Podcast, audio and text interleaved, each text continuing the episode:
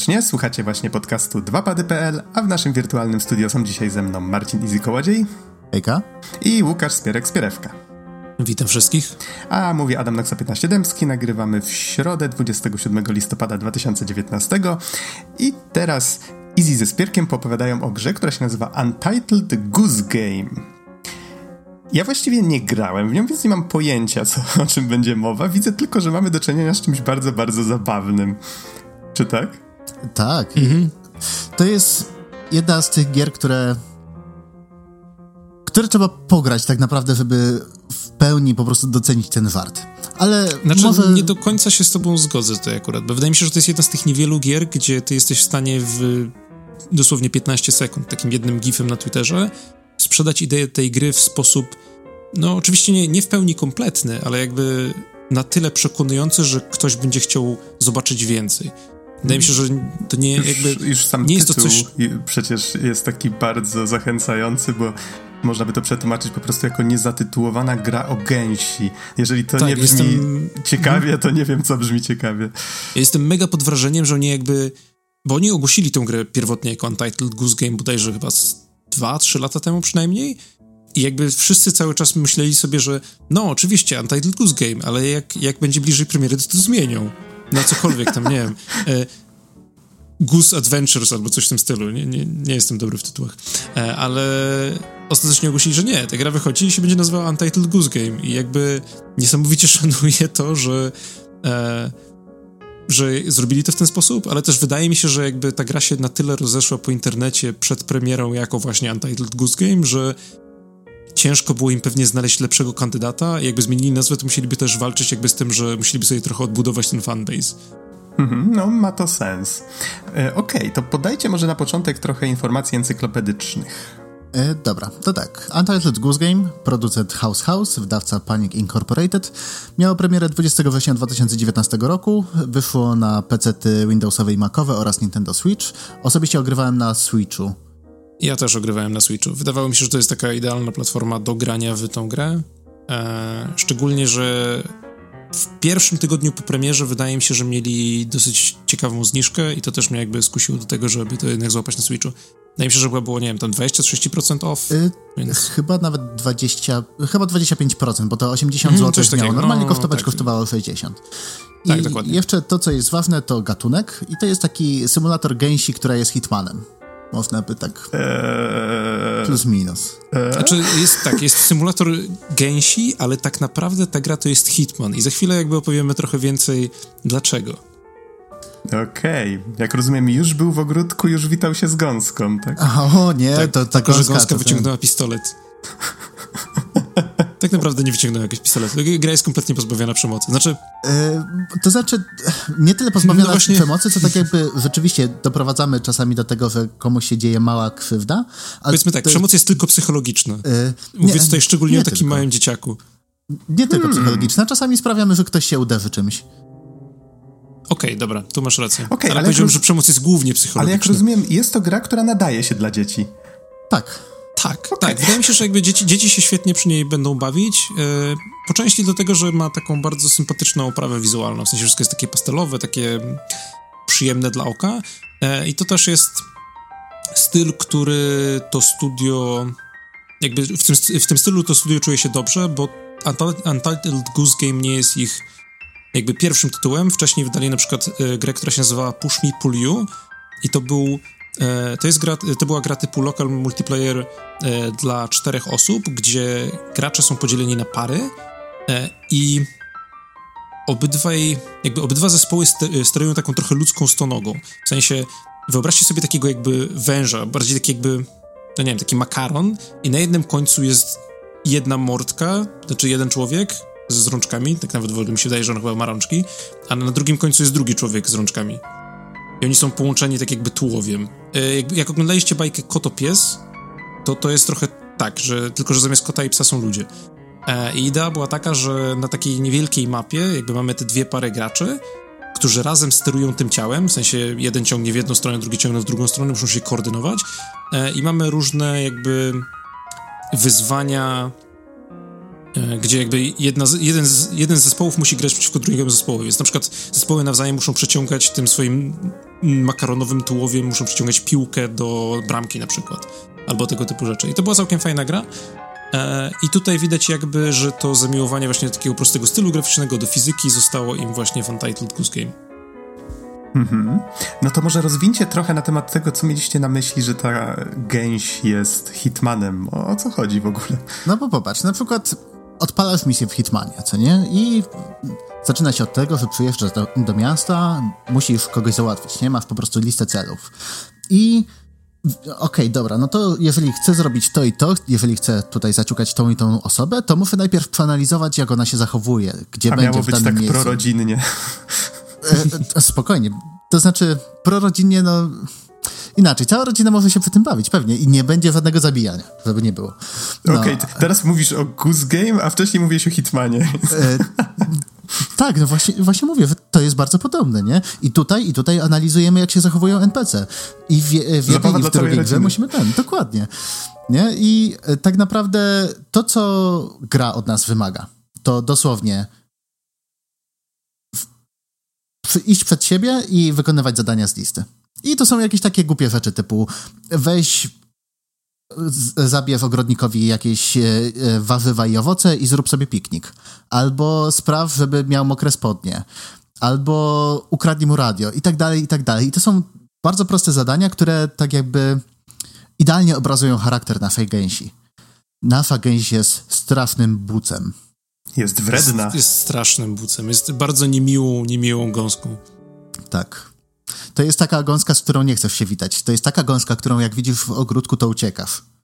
Tak, znaczy no jakby w ogóle idea gry się zrodziła z tego, że e, twórcy jakby, jeden z twórców znalazł zdjęcie gęsi i pomyślał sobie, hej, zróbmy grę o tym.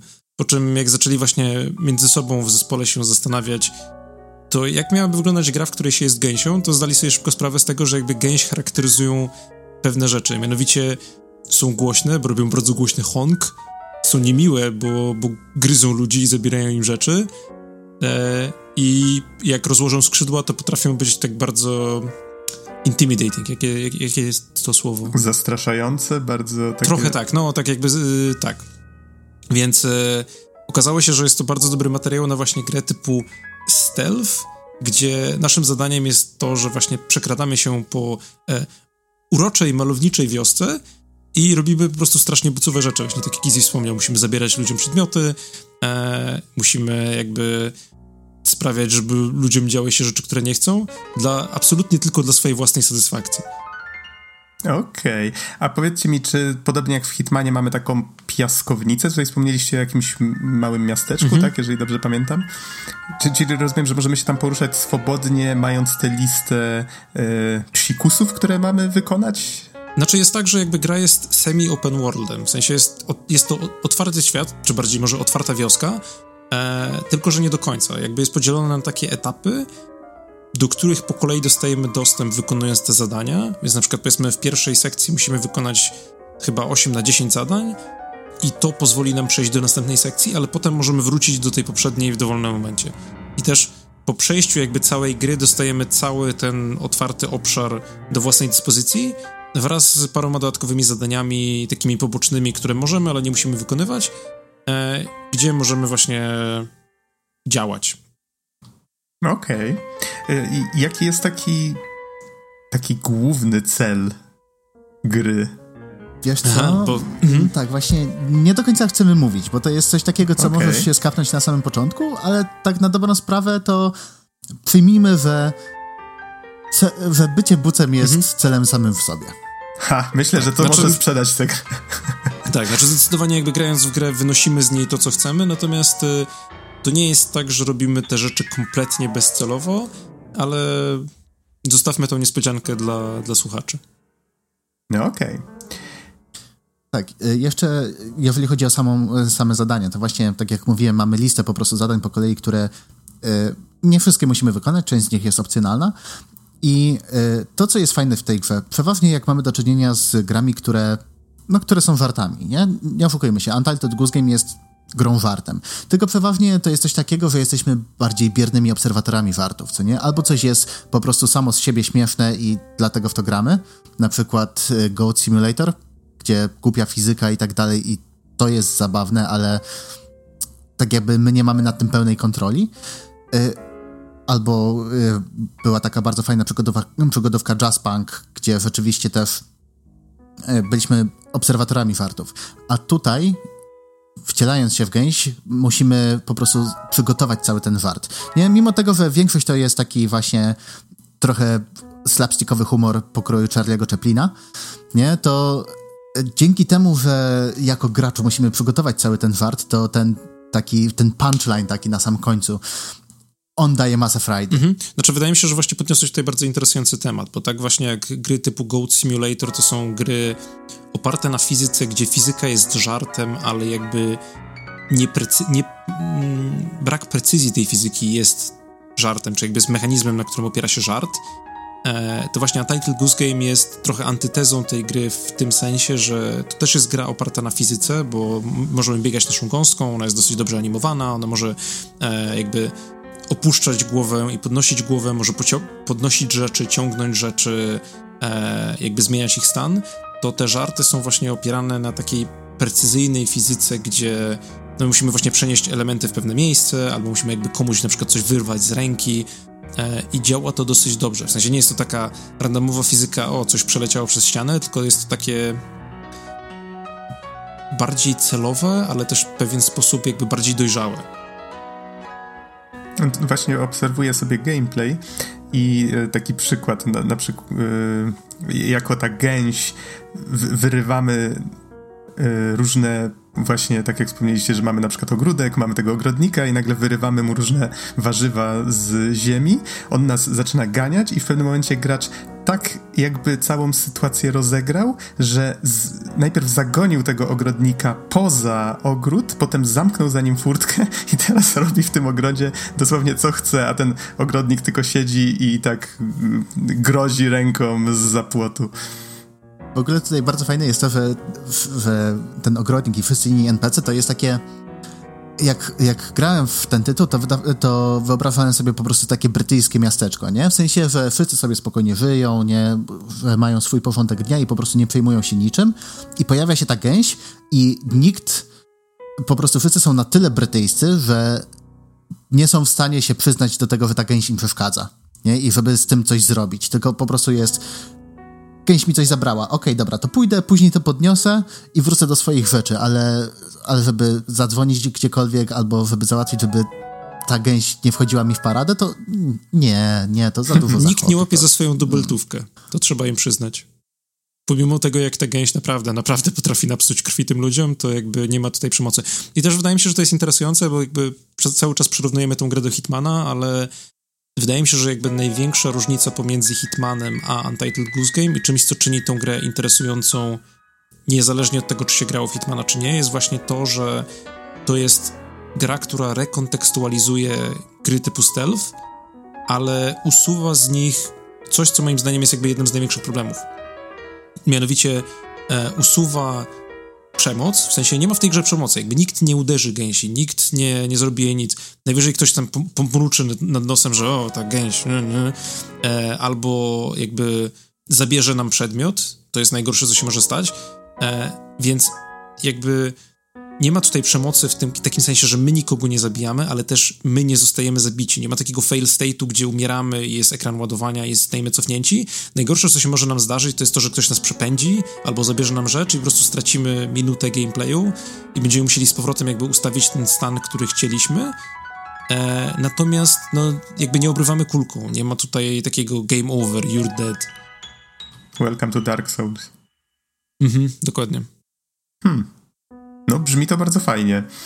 I muszę przyznać, wygląda też bardzo ładnie. Ta oprawa jest taka bardzo minimalistyczna, to chyba złe określenie, ale faktycznie raczej nie obfituje w szczegóły, przynajmniej w zbędne szczegóły. Tak, to jest, to jest taki przyjemny dla oka po prostu cel fade, tak, pastelowe kolory i coś takiego, właśnie co wspominaliśmy na samym początku, nie? że cała rodzina może się przy tym bawić, bo to jest po prostu takie atrakcyjne wizualnie.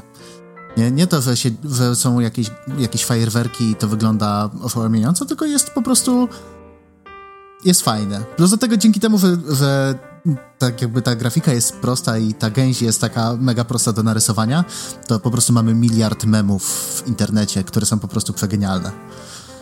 Tak, znaczy w sensie ta oprawa jest dosyć prosta, ale wydaje mi się, że to, co ją bardzo, bardzo dobrze sprzedaje, to jest animacja. W sensie naprawdę widać, że dużo pracy zostało włożone w to, żeby ta gęś zachowywała się tak jak prawdziwa gęś. W sensie ona właśnie ma animację, gdzie jakby rozkłada te skrzydła, ona biega tak dosyć charakterystycznie, podnosi główkę, e, ale inne postacie ludzkie też są w taki e, trochę kartunowy, ale mimo wszystko przekonujący sposób animowane, tak, że czujemy, że jakby ten cały świat jest spójny i fajnie wykonany. E, wydaje mi się, że to jakby daje tej grze bardzo dużo uroku też. E, natomiast, żeby nie było, bo cały czas coś jakby rozpływam, że o, wygląda fajnie, o, śmiesznie, o, e, Hitman, ale inaczej, e, no to nie jest tak, że też, że ta gra jest pozbawiona wad.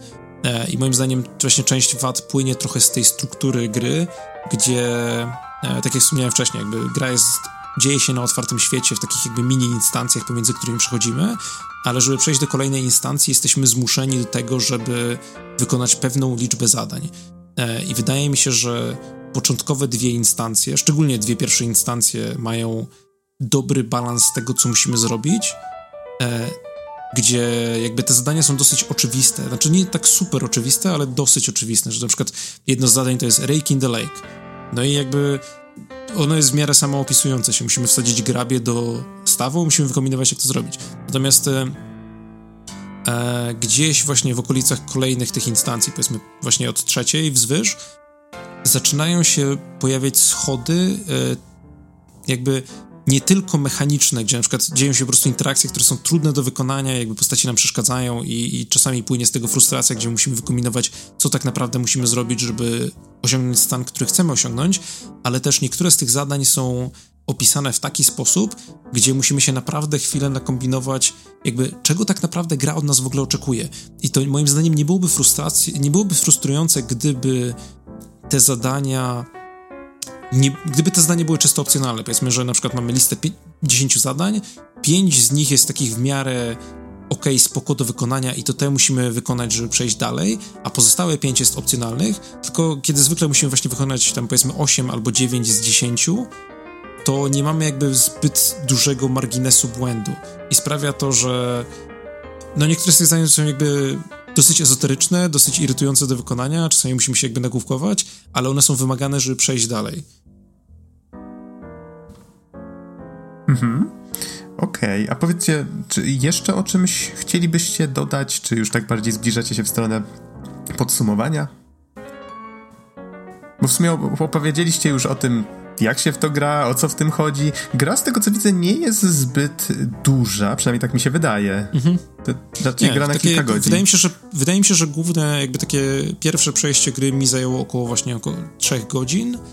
E, przy czym no jakby po zakończeniu dostajemy całą jakby listę takich ekstra opcjonalnych zadań, których mi się już osobiście nie chciało wykonywać. Nie sprawdzałem, czy jest za to jakaś dodatkowa nagroda. Wydaje mi się, że chyba nie. Eee, Natomiast jeżeli ktoś czuje jakby potrzebę zostania w tym świecie na dłużej, to może. Ja akurat czułem potrzebę, że jakby okej, okay, zobaczyłem sobie grę, było spoko. Może kiedyś, jak będę w transporcie, czy na przykład w pociągu albo w samolocie i będę miał Switcha ze sobą, to poczuję jakby chęć powrotu, to mam co robić, ale jakby nie czuję silnej potrzeby, żeby 100% gry wykonywać. W sumie ja tak samo, też mi chyba 3 godziny mi zajęło ogarnięcie wszystkich zadań z tej podstawowej listy i no i na razie nie wróciłem, ale gdyby, gdyby tak jakby sama gra była trochę bardziej zróżnicowana, to wydaje mi się, że inaczej, szczerze mówiąc, nie sprawdzałem tych nowych zadań, więc nie wiem, czy one są bardziej różnorodne. Wydaje mi się, że są nie, na pewno ale... bardziej skomplikowane. W sumie nie wiem. Tak. Tylko właśnie pytanie, czy, czy to skomplikowanie jest właśnie takie bardziej przyjemne, czy, tak, czy tak jak mówiłeś, że ciężko się domyślić z niektórymi rzeczami, czy po prostu są na tyle skomplikowane, że prowadzą do pewnych mm. frustracji. Przy czym no jakby dlatego, że to już jest taki post-game content, to wydaje mi się, że to jakby nie jest problem, że skoro już miałeś zakończenie, już poleciały kredyty, to tak naprawdę możesz sobie już trochę robić, co ci się podoba. Znaczy w sensie od strony jakby tej deweloperskiej, że, że e, nawet jeżeli te zadania są trudne i są problematyczne do wykombinowania, to dlatego, że to jest postgame, to to nie jest kłopot. Natomiast moim zdaniem to jakby główna ścieżka w grze powinna być trochę bardziej wygłodzona niż jest. Eee, Ja bym chciał zwrócić uwagę jeszcze na takie dwie rzeczy, zanim będziemy zmierzać do końca. E, jedna jest taka, że właśnie jakby omijamy trochę szerokim łukiem to, co jest ostatecznym celem tej gry, bo wydaje mi się, że to jest, że jakby fajne jest wykombinowanie tego samemu, natomiast wspomnę tylko, i nie wiem, czy się ze mną zgodzisz, Easy, że jest to, prowadzi to do pewnej sekwencji, której pierwotnie zaczynając tę, tę grę się nie spodziewałem, nie jestem pewien, czy ona ma swój odpowiednik właśnie w innych grach te, tego typu, czyli właśnie w Hitmanach na przykład, ale to, co się dzieje na koniec, nie jest wykonane perfekcyjnie, moim zdaniem. W sensie jakby mam... jest trochę frustrujące mechanicznie momentami, natomiast w interesujący sposób rekontekstualizuje całą grę. Nie wiem, czy jakby jest... E, tak, tak. okej, okay, jesteś świadom tego, o czym mówię. I właśnie jakby cały czas staram się jakby nie naprowadzić do końca na to, o co chodzi, bo, bo nie chciałbym jakby psuć niespodzianki, natomiast to, co się dzieje na samym końcu, jakby taka, taka nazwijmy to ostatnia sekwencja tej gry, jest bardzo interesująca w kontekście tego, czym jest i jak zmienia dynamikę tej gry, że wydaje mi się, że mimo pewnych frustracji warto jest przejść tą grę dlatego. Więc, więc jeżeli będziecie widzieli grę na promocji i jakby lubicie gry typu Hitman, albo nawet niekoniecznie lubicie gry typu Hitman, e, to, to polecam się jakby z tym zapoznać, bo jest to dosyć ciekawe. E, a druga rzecz, o której wydaje mi się, że bardzo, bardzo warto wspomnieć, to jest to, że e, jakby oprawa graficzna gry to jest, e, jest klasa sama w sobie i ona jest bardzo, bardzo fajna, ale to, co oni robili z muzyką i dźwiękiem, zasługuje na osobne nagrody. A, to tak, tak. Właśnie zupełnie nie poruszyliśmy udźwiękowienia, a tutaj tak jakby jeżeli chodzi o samą muzykę, to mamy dynamicznie zmieniającą się ścieżkę w, w zależności od tego, co się dzieje na ekranie, czy, czy to się skradamy, czy to uciekamy przed kimś, to pomimo tego, że muzyka jest bardzo prosta, bo z tego, co pamiętam, to jest tylko i wyłącznie fortepian, tudzież pianino i jest takie po prostu przyjemne, przyjemne plumka, plumkanie, jest dosyć dosyć prosta ta muzyka, ale właśnie nadaje, nadaje tego klimatu. To jest...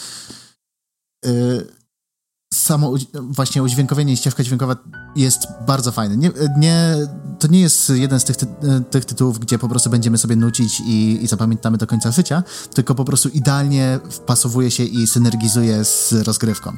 Tak, znaczy jakby najważniejsze w tej oprawie dźwiękowej jest to, że ona jest bardzo dynamiczna. Znaczy, nie jestem pewien jak jakby jak skomplikowana jest tak naprawdę na zapleczu, natomiast yy, to, o co chodzi, to jest to, że jak właśnie gramy, to cały czas jakby leci taki właśnie...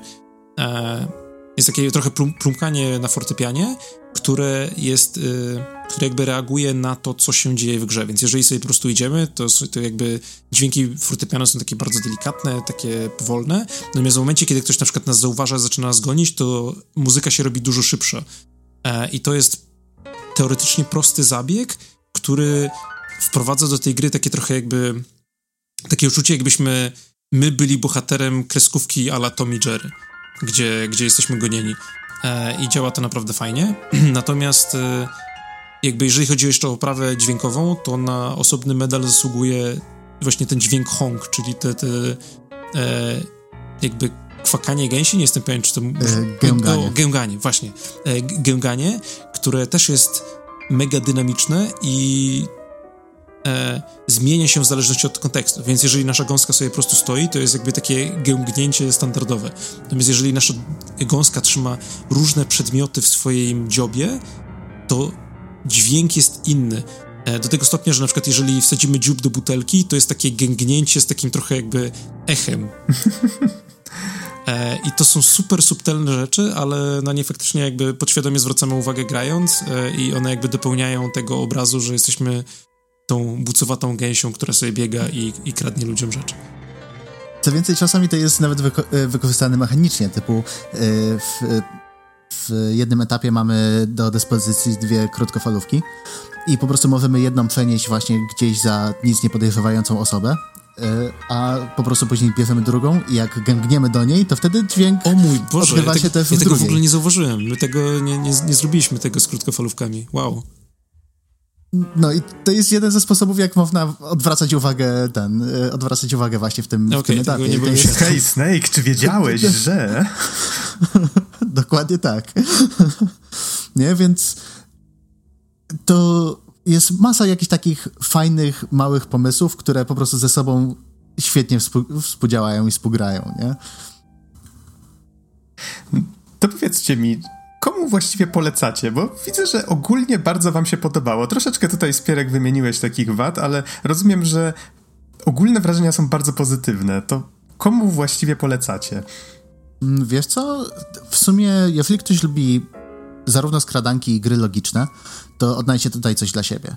Nie? Plus do tego wydaje mi się, że warto, nawet jeżeli nie będziecie chcieli zagrać, to właśnie poglądać na internetach, jak to trochę wygląda. Może wtedy, jak zobaczycie, jak to wszystko wygląda w ruchu, jak, jak nasza gęś gęga i strafy ludzi, jak zobaczycie, jaki tam, to ma po prostu taki głupawy klimat, to może wam się spodobać. Bo to jeden z tych tytułów, które po prostu... Yy, Właśnie to chyba pokazali pierwszy raz na, yy, na Nintendo Indie Showcase albo na czymś takim. I właśnie tak oglądam, oglądam, zobaczyłem, zobaczyłem trailer, który był, nie wiem, minutowy, może nawet trochę mniej. Zobaczyłem to i takie, muszę mieć tą grę. Nieważne jaka będzie, nie? Jest gęś i można denerwować ludzi. To jest coś, czego potrzebuję w życiu. I miałem rację, nie? Naprawdę cieszę się, że kupiłem tą grę i teraz kojarzę te wszystkie memy i jest, jest super. No jest po prostu super. Domyślam się, że jak ktoś szuka fajnej gry dla dzieciaka, to też będzie to dobry zakup. Mm, absolutnie. E, znaczy, jakby nie, nie mogłem tego doświadczyć samemu, natomiast słyszałem wiele historii, gdzie właśnie jakby rodzic zaczął grać w Untitled Goose Game, dziecko podłapało i też chciało grać w Untitled Goose Game, po czym dzieci chciały się między innymi na przykład przebierać za gęś na Halloween, bo tak im się spodobało.